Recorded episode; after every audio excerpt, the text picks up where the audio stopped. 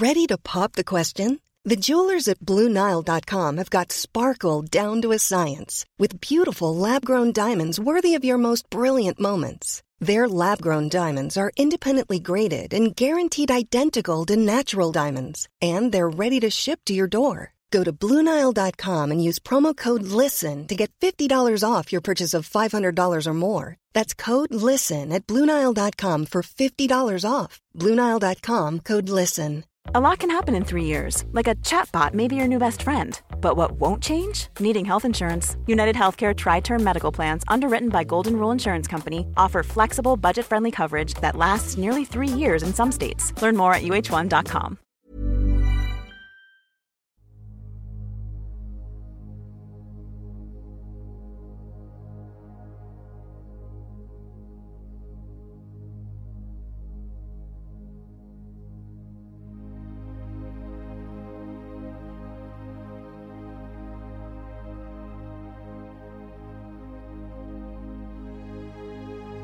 Ljus eller mörker gäller människor i den fysiska dimensionen och varelser i alla andra dimensioner.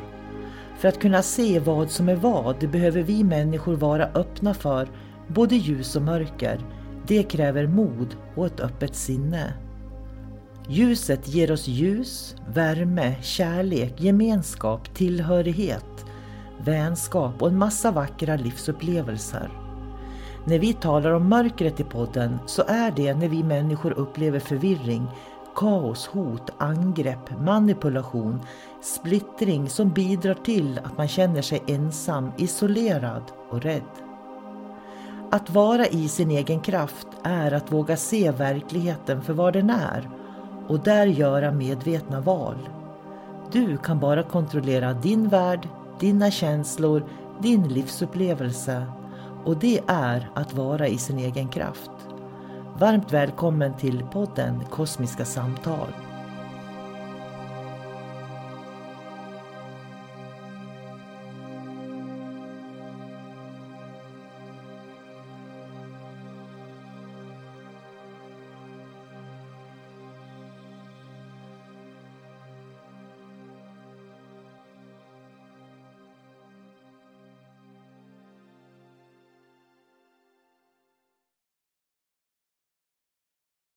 Hej och eh, varmt välkommen till Kosmiska samtal. Jag heter sol karina och jag sitter här med min vän David som jag har Kosmiska samtal tillsammans med. Så jag säger hej David. Hej hej sol karina Allt bra? Ja, det är det. Själv då? Jo, full fart. Eh, livet går på, livet stannar aldrig upp som man brukar säga utan det rullar på. Mm? Mm. Eh, idag tänkte jag att du skulle få berätta om mörkrets spelregler. För när vi satt och pratade eh, och du beskrev den här känslan att du har, hur du har lärt dig spelreglerna som mörkret har. Eh, för mörkret har spelregler, så är det. Det håller jag fullständigt med om. Och när man lär sig att se dem så kan man se, man kan se människor som är påverkade av mörker på ett speciellt sätt. Mm. Och hur, hur, tänker du när du tänker att mörkret har spelregler? Vi börjar där vi börjar där. Eh, min erfarenhet av mörkret är det att det är en otroligt intelligent kraft. Eh, de har en begränsad medvetenhet, men många gånger så är, är de liksom intelligentare än, än, än vi människor, för de ser ju liksom. De ser liksom dels sin verklighet och så hela vår verklighet. De har inga begränsningar i tredje dimensionen egentligen. Så att de är otroligt intelligenta. Det är steg ett. Eh, vad var det vi pratade om?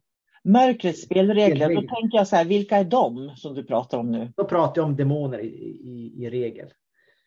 Och när, när man har bekantat sig med mörkret så då börjar man förstå och man börjar se mönster hur det, hur det liksom beter sig. Man märker hur det interagerar med människor. Alltså det, det egentligen är det alltid samma tillvägagångssätt som de använder sig av. Sen är de intelligenta på det sättet att de kan gå in i en människa de vet hur de ska trigga den för att få en önskad, eh, önskat resultat. De är experter på det.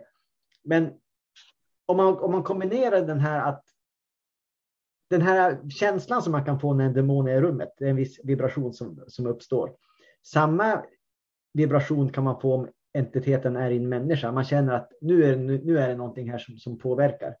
Då kan man liksom se den där, eller då vet man att entiteten är där, demonen. Eh, steg två är att då bör man titta på regelverket. Vad kan jag förvänta mig av den här entiteten? Ja, då är det alltid så här, okej, okay, är det en entitet som eh, i regel så vill den isolera, den vill isolera sitt offer. Det är också det vanligaste. Eh, så att den inte liksom får impulser utifrån om den nu, nu vill det.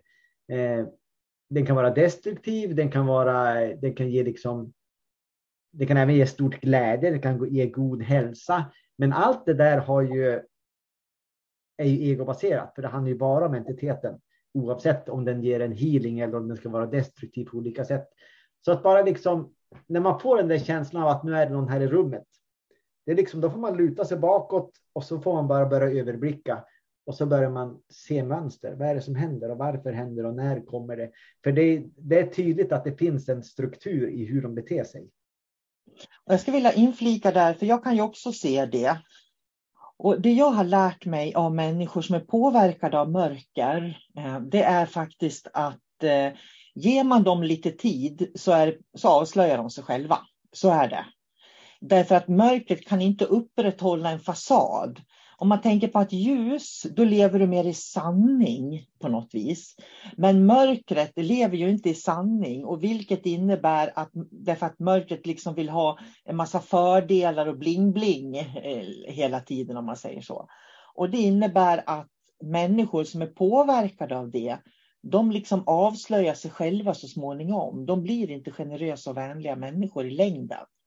Nej, så är det ju. För, för i regel är det ju alltid så att en, en eh, demon är inne i den här fysiska verkligheten eller via en person på grund av sitt ego. Så att det är liksom man genomskådar det till slut. Och, och tänk liksom psykopat. Om du har en psykopat i, i din närhet, alltså psykopat upphöjt till hundra, eh, så kan den vara jättetrevlig, den är vänlig, den är liksom den populäraste människan på festen. Den, är, men det slutar alltid med att när, när den här psykopaten har liksom, det har gått ett par år, så blir den alltid ensam. Den klarar inte av att ha relationer. Den klarar inte, för allting liksom eh, brakar för den. Man kan inte behålla ett arbete. De är liksom, eftersom de inte förstår tjänster så till slut så rasar allting för dem.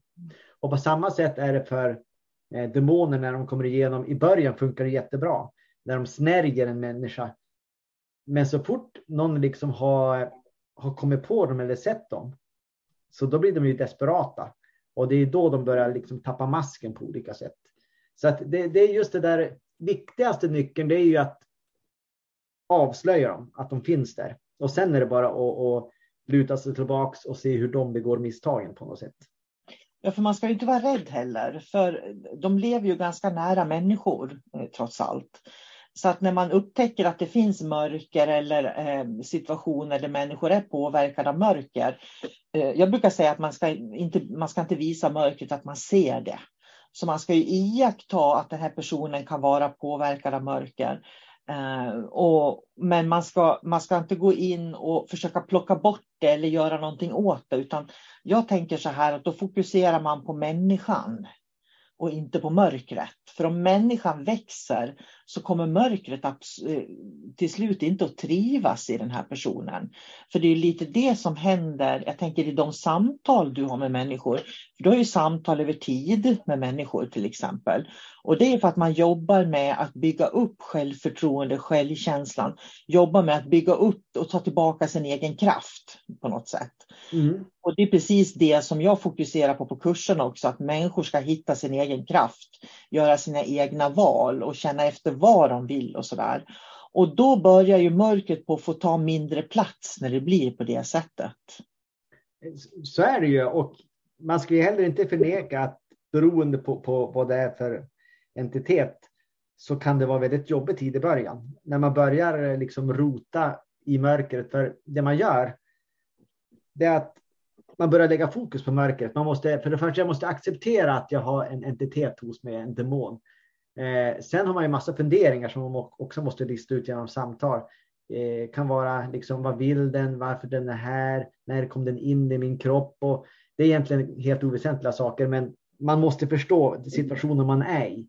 Och när man har förstått det och liksom accepterar det fullt ut. Nästa steg det är att ja, men då lägger jag fokus på mig. Då struntar jag i entiteten här demonen, för det är inte intressant längre. Jag har lärt mig det jag kan. Eh, vad ska jag nu göra? Ja, men nu ska jag gå en, eh, självutvecklingskurs till exempel. Jag ska lista ut vem jag är och så förskjuter man all fokus från mörker till sig själv. Eh, enkelt sett från mörker till ljus. Och när man har ändrat det där liksom, synsättet, då börjar det hända saker. Mm. För, för vanligtvis eh, en människa som, nu använder jag ordet besatt, vanligtvis en människa som är besatt av en demon. De tänker bara på demonen. När de vaknar på morgonen då är det Eh, vad har hänt i natt? Har demonen varit här? Vad har den gjort? Undrar om demonen kommer att vara med mig på jobbet? Undrar om den kommer att styra mina rörelser? Eh, undrar om den kommer att sätta röster i mig? Så det är bara demoner, demoner, demoner dygnet runt. Men när man har gått över till ljuset så då, då vaknar man imorgon så eh, ja, men jag, ska nog, jag ska nog läsa en reikebok idag. Undrar vad jag ska äta till middag. Eh, ja, får se nu. Det, det, är något bra på tv, ett, ett, ett spännande program om, om självutveckling. Och då har man vänt på hela steken.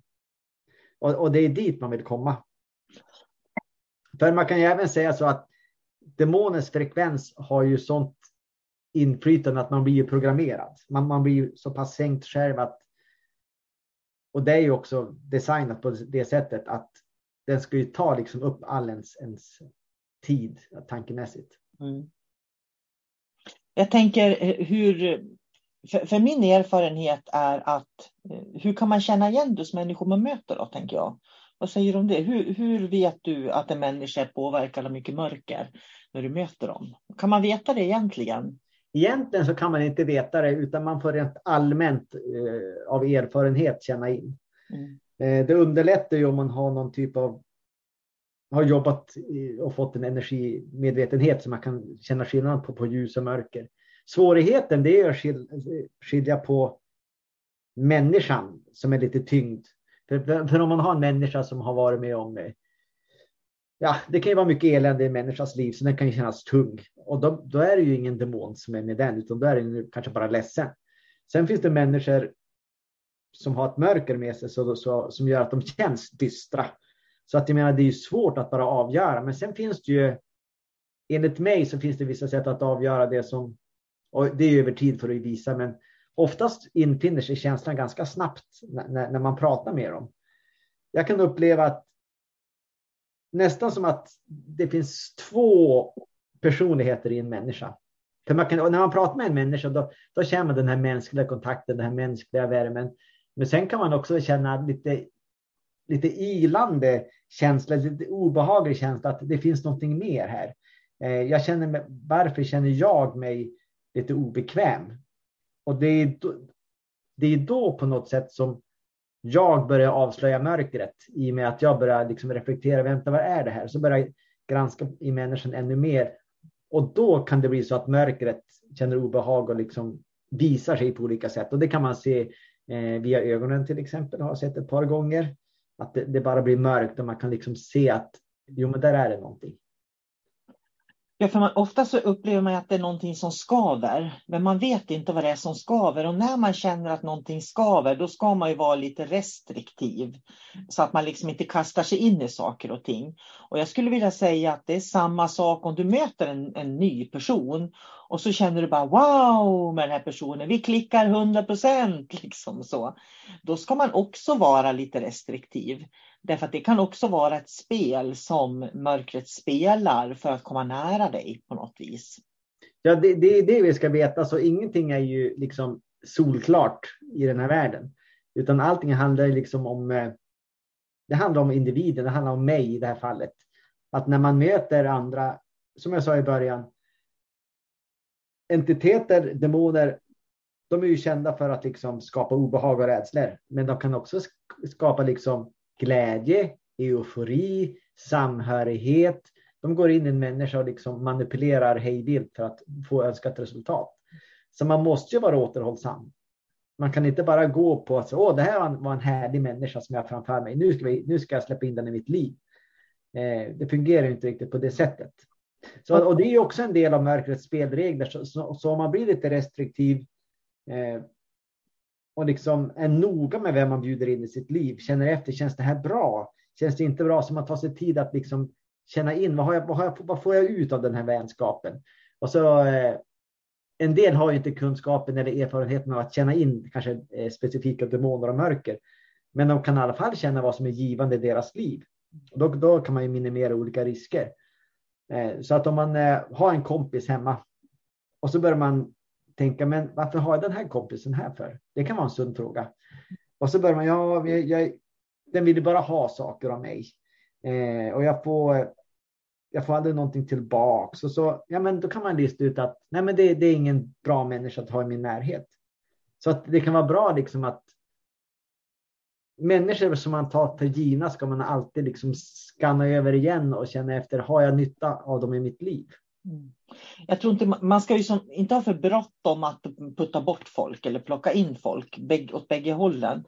Men jag tänker att mycket kan, åtminstone jag upplever att jag kan höra på hur de pratar. För hur de pratar, hur de ser på saker och ting är ofta ganska avslöjande faktiskt, tycker jag. Mm. Eh, jag tänker så här, vad tror du det är som lockar dem? Varför dras de? Vissa människor har ju en förmåga att, att dra till sig det här. Vad tror du gör att de lockas liksom, eh, och dras till vissa människor och andra inte? Då? Om man tänker om vi lägger bort det här med självkännedom, att man har god självkännedom. Vad är det som gör att de dras till vissa människor? För det första så, så, så eh, det finns olika sorters demoner om man säger så. En del demoner anses ju ha äganderätt till olika personer eh, via liksom blodsband eller släktled. Och eh, jag menar, föds man in i, i, i en släkt där en demon som liksom har redan har en äganderätt, så då är det inte så mycket att göra åt på något sätt. Man, man har väl tur om man klarar sig. Eh, så då måste man jobba med det här inre då, inre kunskapen för att det är enda sättet att bli fri att ha självkännedomen för att lösa de banden. Men sen så tror jag också att många gånger så, de är ju opportunister och om de möter en människa som har mycket ego till exempel, eller om de har trauman på olika sätt som är obearbetade, så är det en väldigt bra ingångspunkt. För om en människa har ett sår så kommer demonen ge mer av det såret. Eh, om man har en eh, ilska i sig, då kommer demonen att gå in och ge mer ilska. Så på olika sätt så går den in och tar tag i våra svagheter. Så att jag skulle vilja säga att det är människor som har trauman och oläkta sår och som inte vill göra någonting åt det. Det är de som lättare blir offer. Ja, jag tänker på idag när vi har så influencers och det är pengar och det är kändisskap och så där. Eh, att det kan, eh, att det kan locka människor in i det här på något vis. Ja, men det är ju, det är ju ytlighet och ego. Jag menar, det är ju, fungerar jättebra för demoner att mm. använda. Eh, sen en annan kategori, det är också de som aktivt vill jobba med demoner. För de flesta liksom jobbar med demoner och har eh, gjort kontrakt fast de vet inte om det egentligen i, i sin medvetande nivå. Men sen finns det de som aktivt går kurser för att kunna använda demoner för att liksom få bra saker i sitt liv. Och där har vi en helt annan kategori. Eh, det är väl många som skulle kunna kalla sig svartmager till exempel. För jag, tror, jag tror jag har sagt på den här podden förut att jag pratade med en kille som, som gick eh, just en sån här kurs, så jag har lite inside information. Och eh, då var det liksom att man skulle göra de här olika riterna. Det är ju pentagram och så var det skyddscirkel och så hade man en speciell kniv också och så hade man en specifik demon som man skulle bekanta sig med och bjuda in. Då. För man hade ju sin skydds, eh, eh, skyddscirkel som man var i först. Och läraren sa ju det att de här har vi med oss hela livet. Då. Eh, och de ger ju oss framgång för de kommer att hjälpa till eh, med det vi vill ha. Om vi vill ha pengar, om vi vill ha makt, om vi vill ha framgång. Så då finns de där. Och den här personen han, som jag pratade med, han hade ju jobbat eh, ganska mycket med de här riterna. Men han gjorde aldrig det här slut... Eh, slutprovet, som, eller slutinitieringen, för han kände att det är någonting som är fel här, så att han bytte liksom bana. Eh, och det var nog ganska tur att han inte gjorde det heller, för den där slutriten, det var ju då man fick en initiering och eh, demonen fick liksom äganderätt för att, att komma in i den här personens liv. Och jag bara ryser. Eh, verkligen hemskt. Och men på, no bjuder in mörkret så medvetet. Så medvetet. Och det handlar ju på något sätt också om det om ego egentligen också. Att man vill ta genvägar. Jag vill ha pengar, jag vill ha ära, jag vill bli omtyckt. Jag vill, det finns alltid någon anledning. Eh, och så tar man den här snabba vägen. För de vet ju också, innerst inne så, så måste ju de också veta att det här är ingen bra väg att gå på. Eh, men det finns så många, det finns så mycket att, att få eh, rent materialistiskt att det, det är värt det på något sätt. Jag tänker om vi skulle hoppa lite grann till, det är ju mycket sådana här program på tv där de går på spökjakt och sådär. Och det här har vi ju pratat ofta om på podden. Eh, att man kan liksom inte skilja på det som kommer från andra sidan eller eh, minnen och sådär.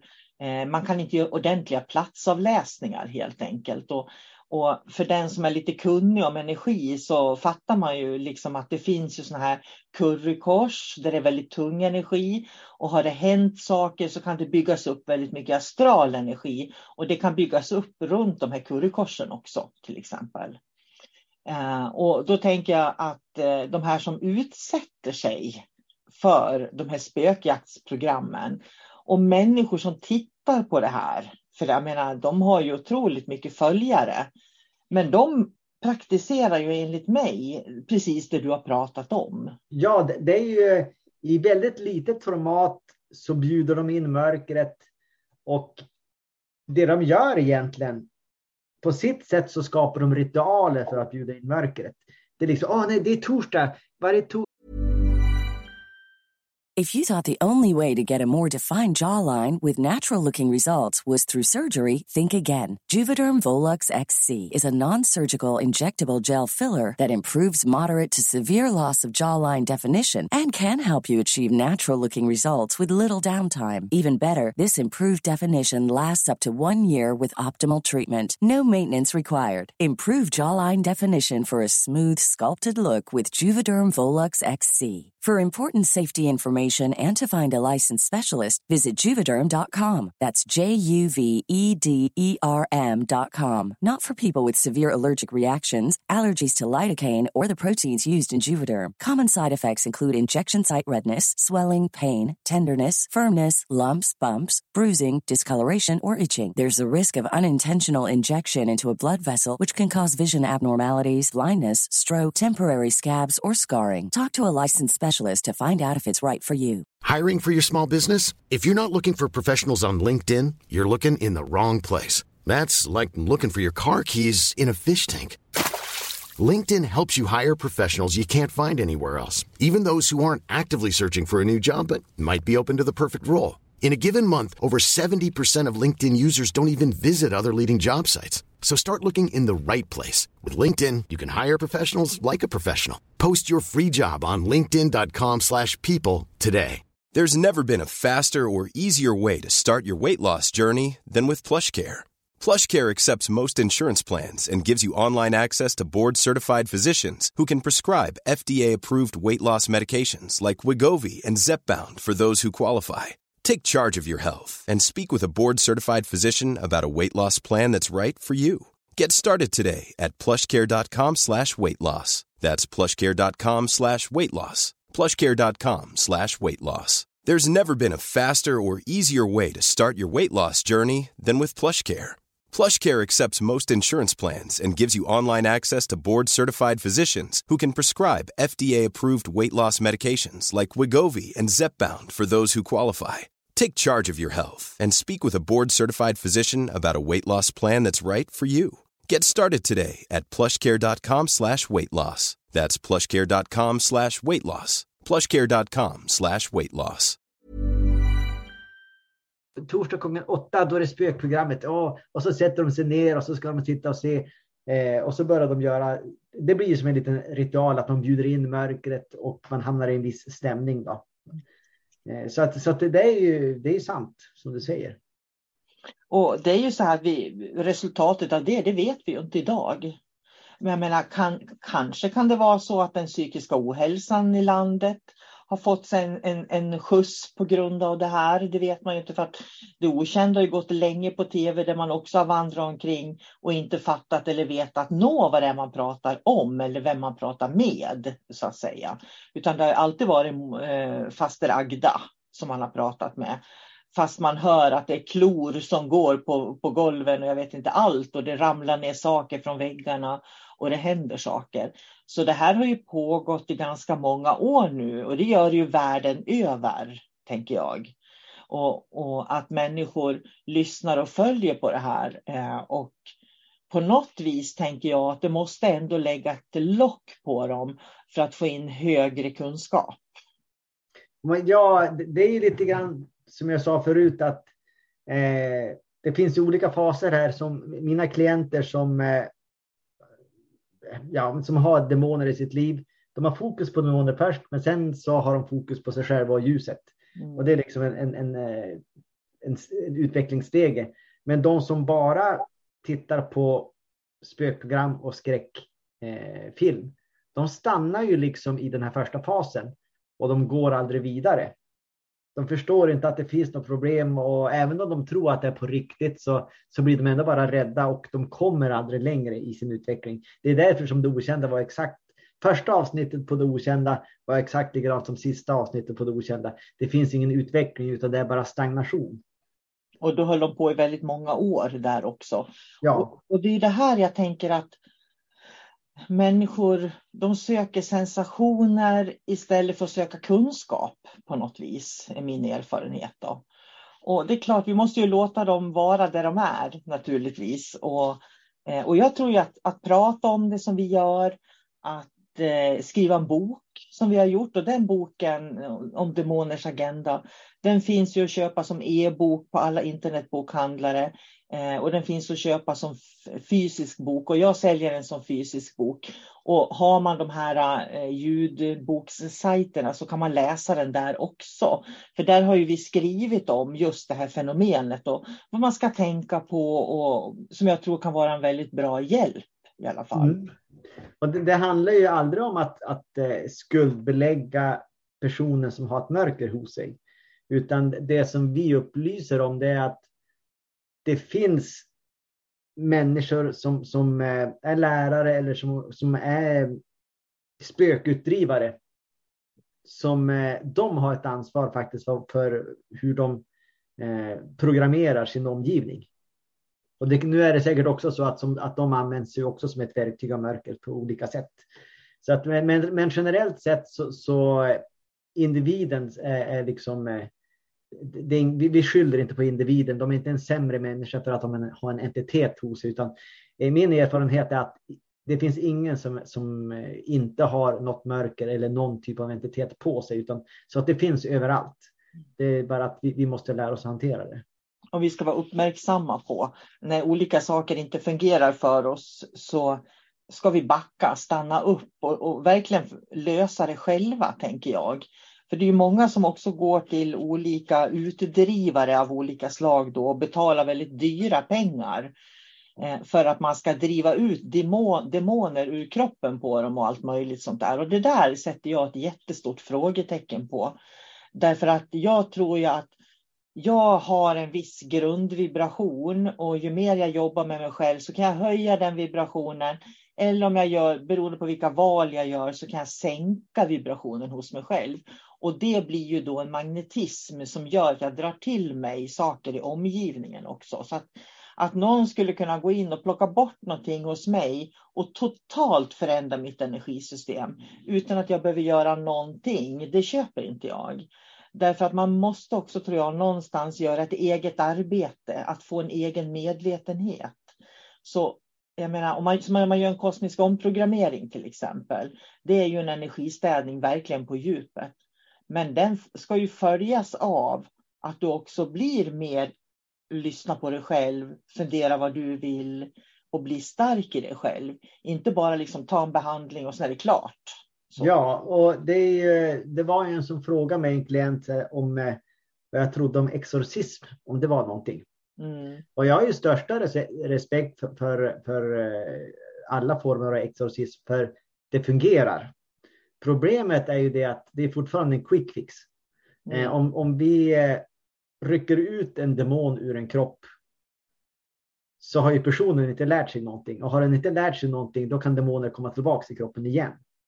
Och om man dessutom... Det är ju beteendet. Det är beteendet man har som skapar vibrationen som gör att de får tillträde. Ja, det är det. Och om, om jag till exempel har gått till, till eh, en exorcist och så plockar de ut demonen ur, ur mig.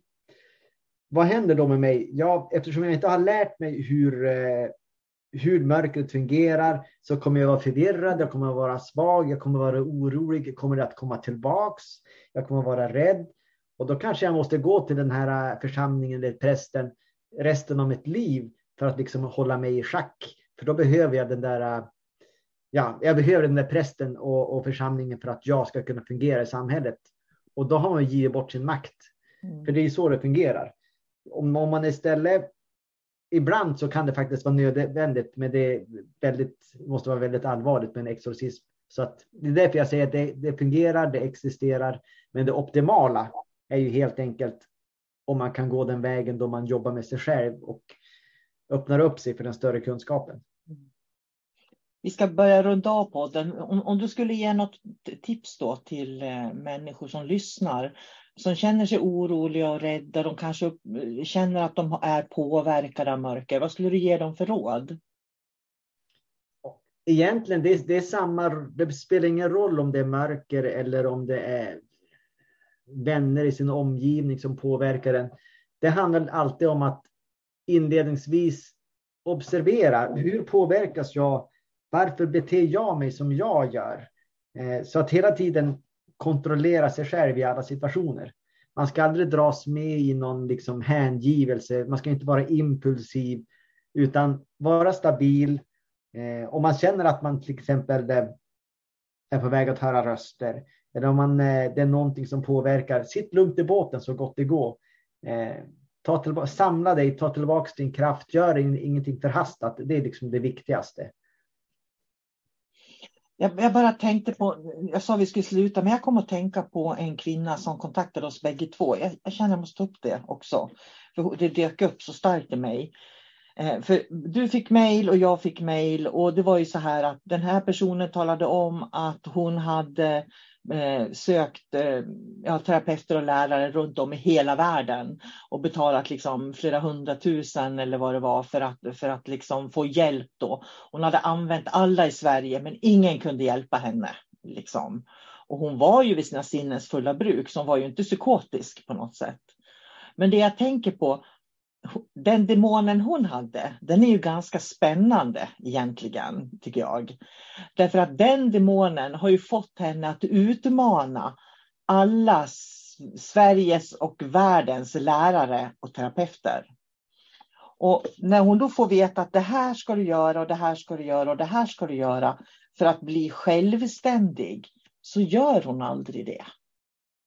Nej, det gav hon ju liksom eh, tips och liksom eh, en lista på gör de här sakerna. Eh, vi ska inte gå in i detalj på vad det var, men, men det var liksom en, en, lista på, på hur skulle, en långsiktig plan för hur man skulle lösa saker och ting. Som man liksom kunde ta på steg för steg. Men hon klarade inte steg ett ens en gång. Nej. Gjorde hon inte. Och då är det ju så att om, antagligen så var ju hennes mörker ganska starkt. Så att om mörkret nu blev provocerat eller kände att om hon börjar gå längs den här vägen så börjar jag tappa kraft. Så då är det ju klart att mörkret backar. Och det är också ett sätt som, som man, man kan se mörkret på i, i, vissa situationer. När blir mörkret triggat? Det är också ett sätt man kan lära sig själv. Mm. Eh, hur, hur ens mörker fungerar. Eh, en klassiker det är det här att varje gång jag ska göra någonting som, som jag tycker är roligt, som jag får en energi av, jag ska fara på kalas eller fest, och så på morgonen när man vaknar så ah, jag har ont i huvudet. Nej, jag kan inte fara dit idag. Om det där är ett mönster som upprepas om och om igen så är det antagligen demonen som inte vill att du ska befinna dig i situationer som du mår bra av. För mår du bra så mår demonen sämre. Då får den mindre makt över dig.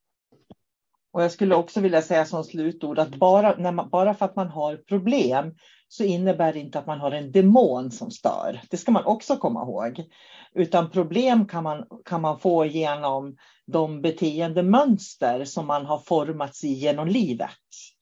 Så att det är ju inte allting som är, så fort någonting inte funkar i ditt liv eller du inte får lust att gå på en fest eller så där så behöver det ju inte vara en demon. För det är också en förutfattad mening som jag ibland kan se hos människor. Att de tror att bara för att deras liv inte funkar så är det en demon som är problemet. Istället för att de fattar liksom att ja, men du har en personlig kraft, börja använda den så ska du se att det löser sig.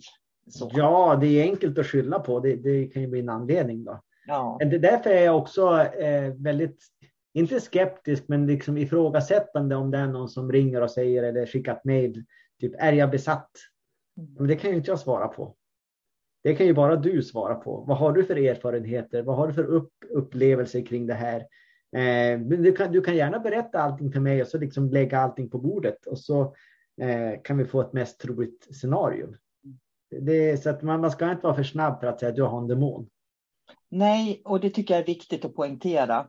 Och sen skulle jag vilja ge mitt perspektiv för att de människor som jag hjälper, de hjälper jag ju genom den esoteriska utbildningen till dimensionellt medium. Där vi jobbar tillsammans sju helger under ett år. Där man verkligen får lära sig de här olika nyanserna hos sig själv och andra människor. Och man får lära känna olika dimensioner. Och när man gör det, då växer ju den här eh, personliga kraften, självkänslan, självkännedomen. Och det gör ju också att har man haft sådana här problem så får, har man oftast inte det efteråt. Nej. Vet du vad, jag måste säga en sak till här. För nu kom jag på någonting som jag aldrig har tänkt på. Nu har jag sett ett mönster. Mm. Den här kvinnan som vi pratade om förut, som vi gav tips mm. om hur hon skulle bli fri från sitt mörker och så väger hon. Första gången hon pratade med mig i telefon, då skulle hon komma till mig till varje pris och skulle hon komma hem till mig alltså fysiskt. Hon skulle sätta sig i bilen och köra till mig. Då sa jag, nej men stopp där. Så eh, jag jobbar inte så, det blir på distans. Nej, men, nej, men jag måste komma hem till dig, sa hon. Nej, det ska du inte alls göra, så här. Stanna, stanna hemma. Eh, och nu för ett par veckor sedan, då ringde det ju en karl till mig som hade, eh, som jag som jag kände var det minst fem eller sex olika entiteter i, i, i han som arbetade. Och han sa också till mig att eh, jag vill komma hem till dig, sa han. Nej, men, jaha, sa jag. Nej, men du, eh, du ska vara hemma och vila, sa jag. Nej, men jag känner att jag vill komma hem till dig. Jag vill komma hem till dig, sa han. Jag har köpt present till dig, sa han. Du måste ju få din present. Eh, och, men han kommer inte hem till mig i alla fall. Men det slog mig nu att det där var två aspekter av mörkret som ville, alltså, som tog kontakt med mig och som på något sätt ville komma och interagera med mig fysiskt.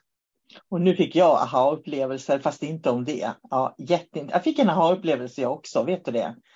Därför att jag hade en kvinna, det här är jätteintressant. Eh, för många år sedan, och det är länge sedan nu, så fick jag till mig och, och, det är ju frågan om var det kom ifrån då, men, men mitt högre jag brukar ge mig väldigt mycket tips. så. Men jag fick till mig i alla fall att jag måste lära mig mer om Yoruba-religionen. Jag hade ingen aning om vad det var. Så jag började googla på det. Eh, och sen eh, eh, upptäckte jag liksom att det var någon jävla voodoo-religion som finns på Kuba. Dagen efter kontaktade en kvinna mig då som ville ha en schamansk behandling. Så då gjorde jag en schamansk behandling på henne. Och sen ville hon komma upp till Umeå och hälsa på mig. Hon skulle alltså flyga från Stockholm och upp till Umeå. Och jag tänkte ja, absolut, jag kan väl ta en fika med henne tänkte jag. Så hon flög fram och tillbaka under dagen. Samma fenomen, men jag bjöd ju aldrig henne hem till mig utan vi träffas ute på stan.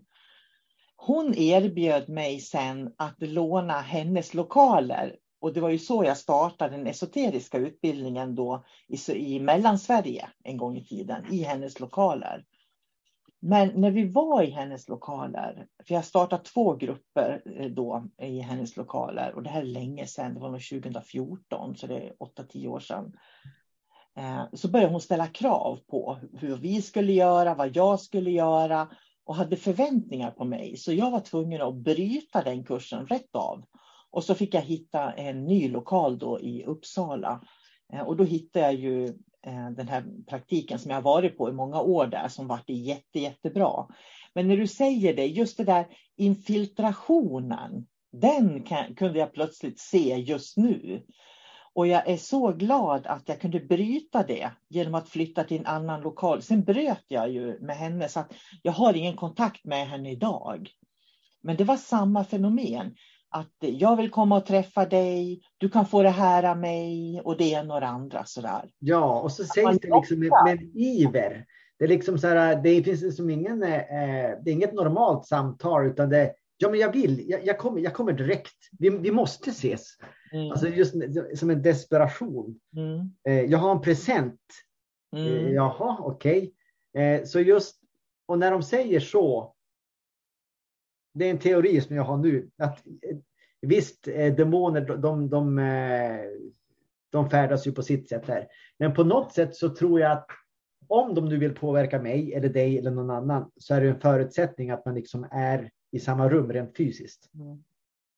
Och sen att de har inget tålamod, det skulle jag vilja säga är också en egenskap, för det ska hända direkt på en gång.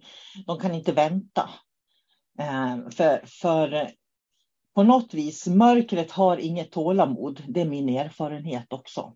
Och mörkret tål inga motgångar heller. Nej. Om de har investerat i en människa i, jag vet inte, nu hittar på, eh, tio år har de investerat i en människa eh, hovra runt en människa, sökt ingångar, försökt bearbeta. Och sen så pratar de, eh, säg att den där uh, människan då pratar med en, uh, en människa som kan påverka dem i en annan riktning, en ljusare riktning. Då kan det där mörkret liksom bli rosenrasande och blossa upp det, för då, då, kan de inte hålla masken längre, för då, de är på väg att tappa mm. eh, all sin investering. Och det är också något som är relativt vanligt att om man har en människa som är, ja, nu säger jag besatt för enkelhetens skull, som är besatt. Och så sen så kanske de går till en lärare och får reiki eller de får någonting annat. Då börjar det här mörkret visa sig på olika sätt. Det blir obehagligt för mörkret att vara i kroppen. Eh, för att de är på väg att tappa greppet. Människan har valt en väg som är bra för individen men som är dåligt för, för eh, demonen. Och så är det, för det brukar hända med mina klienter, jag brukar säga att inledningsvis efter första behandlingen, det kan bli värre. Det, det kan, det, det, det, men å andra sidan blir det värre så då vet du också att det ger effekt. Så, så att det, är, det är bara här ut. Har, har du bestämt att gå den här vägen så då är det liksom bara att gå helt mm. enkelt och, och välj, välj, stå vid ett vägskäl och så välj att gå framåt, välj att gå din väg. Mm. Eh, och då ska man inte liksom fastna i att det är obehagligt, det är hemskt, utan då siktar man mot ljuset. Mm. För det du sa att det kan bli värre, så är det. Det är min erfarenhet också med människor att när de hittar någon som verkligen kan hjälpa dem, då kan det bli värre. Och det kan vara en indikation på att nu har du faktiskt hittat en person här som verkligen kan hjälpa dig. För de blir väldigt störda och då börjar de liksom eh, trakassera och, och och, och göra saker. Så att du blir liksom mer rädd på något sätt. Jag var faktiskt med om en gång, eh, det var en klient jag skulle prata med som jag visste hade ett mörker hos sig. Eh, och jag hade en kaffekopp framför mig. Så jag satte mig ner och ungefär, ja men kanske en minut innan jag, jag ringde upp honom, Då började kaffekoppen skaka, skeden låg i där också. Så att då började den skaka på bordet. Och det tog jag som en indikation att nu, nu är det bäst att skärpa till sig här. Mm. Eh, det är någonting på, på, som liksom är väldigt upprört. Jag känner att det här, vi skulle kunna fortsätta en timme till. Det här är rena spökpodden börjar bli nu. för, för, det finns ju jättemånga sådana tillfällen. Men vi ska faktiskt eh, släppa det nu. Eh, och avsluta med att börja kaffekoppen och skeden skallra eller att eh, det blir värre i något sammanhang. Var medveten om att du kan ha gjort eh, mörkret lite sur eh, och då ska man vara extra medveten och närvarande bara. Ja, så är det. Så enkelt är det. Ja, jag ska. Vi ska avsluta där. Det var ett spännande samtal om mörker och det känns bra för du, du har också fått eh, verkligen prata om mörker som jag vet att många är intresserade av och jag känner att jag jag hoppas att verkligen att människor känner att de ska inte behöva vara rädda utan att eh, eh, fokusera på det som är gott och glädjefullt. Eh, för det trumfar alltid mörker. Så är det. Ja, och jag, jag, skulle också till och med vilja säga att vi måste avdramatisera mörkret. Mm. Eh, se mörkret som eh, vilken varelse som helst. Se det som andra människor eller vad som helst. Då, då blir det inte lika skrämmande längre. Och då tar man tillbaka sin egen kraft. Ja, och mörker kan finnas i människor. Det betyder inte att det är en dålig människa. Det betyder bara att de är lite påverkade och det ska man vara medveten om också. Mm. mm. Där slutar vi. Tack ska du ha för idag. Tack själv. Eh, och vi säger hej då till våra lyssnare också. Ja, hej då. Hej då.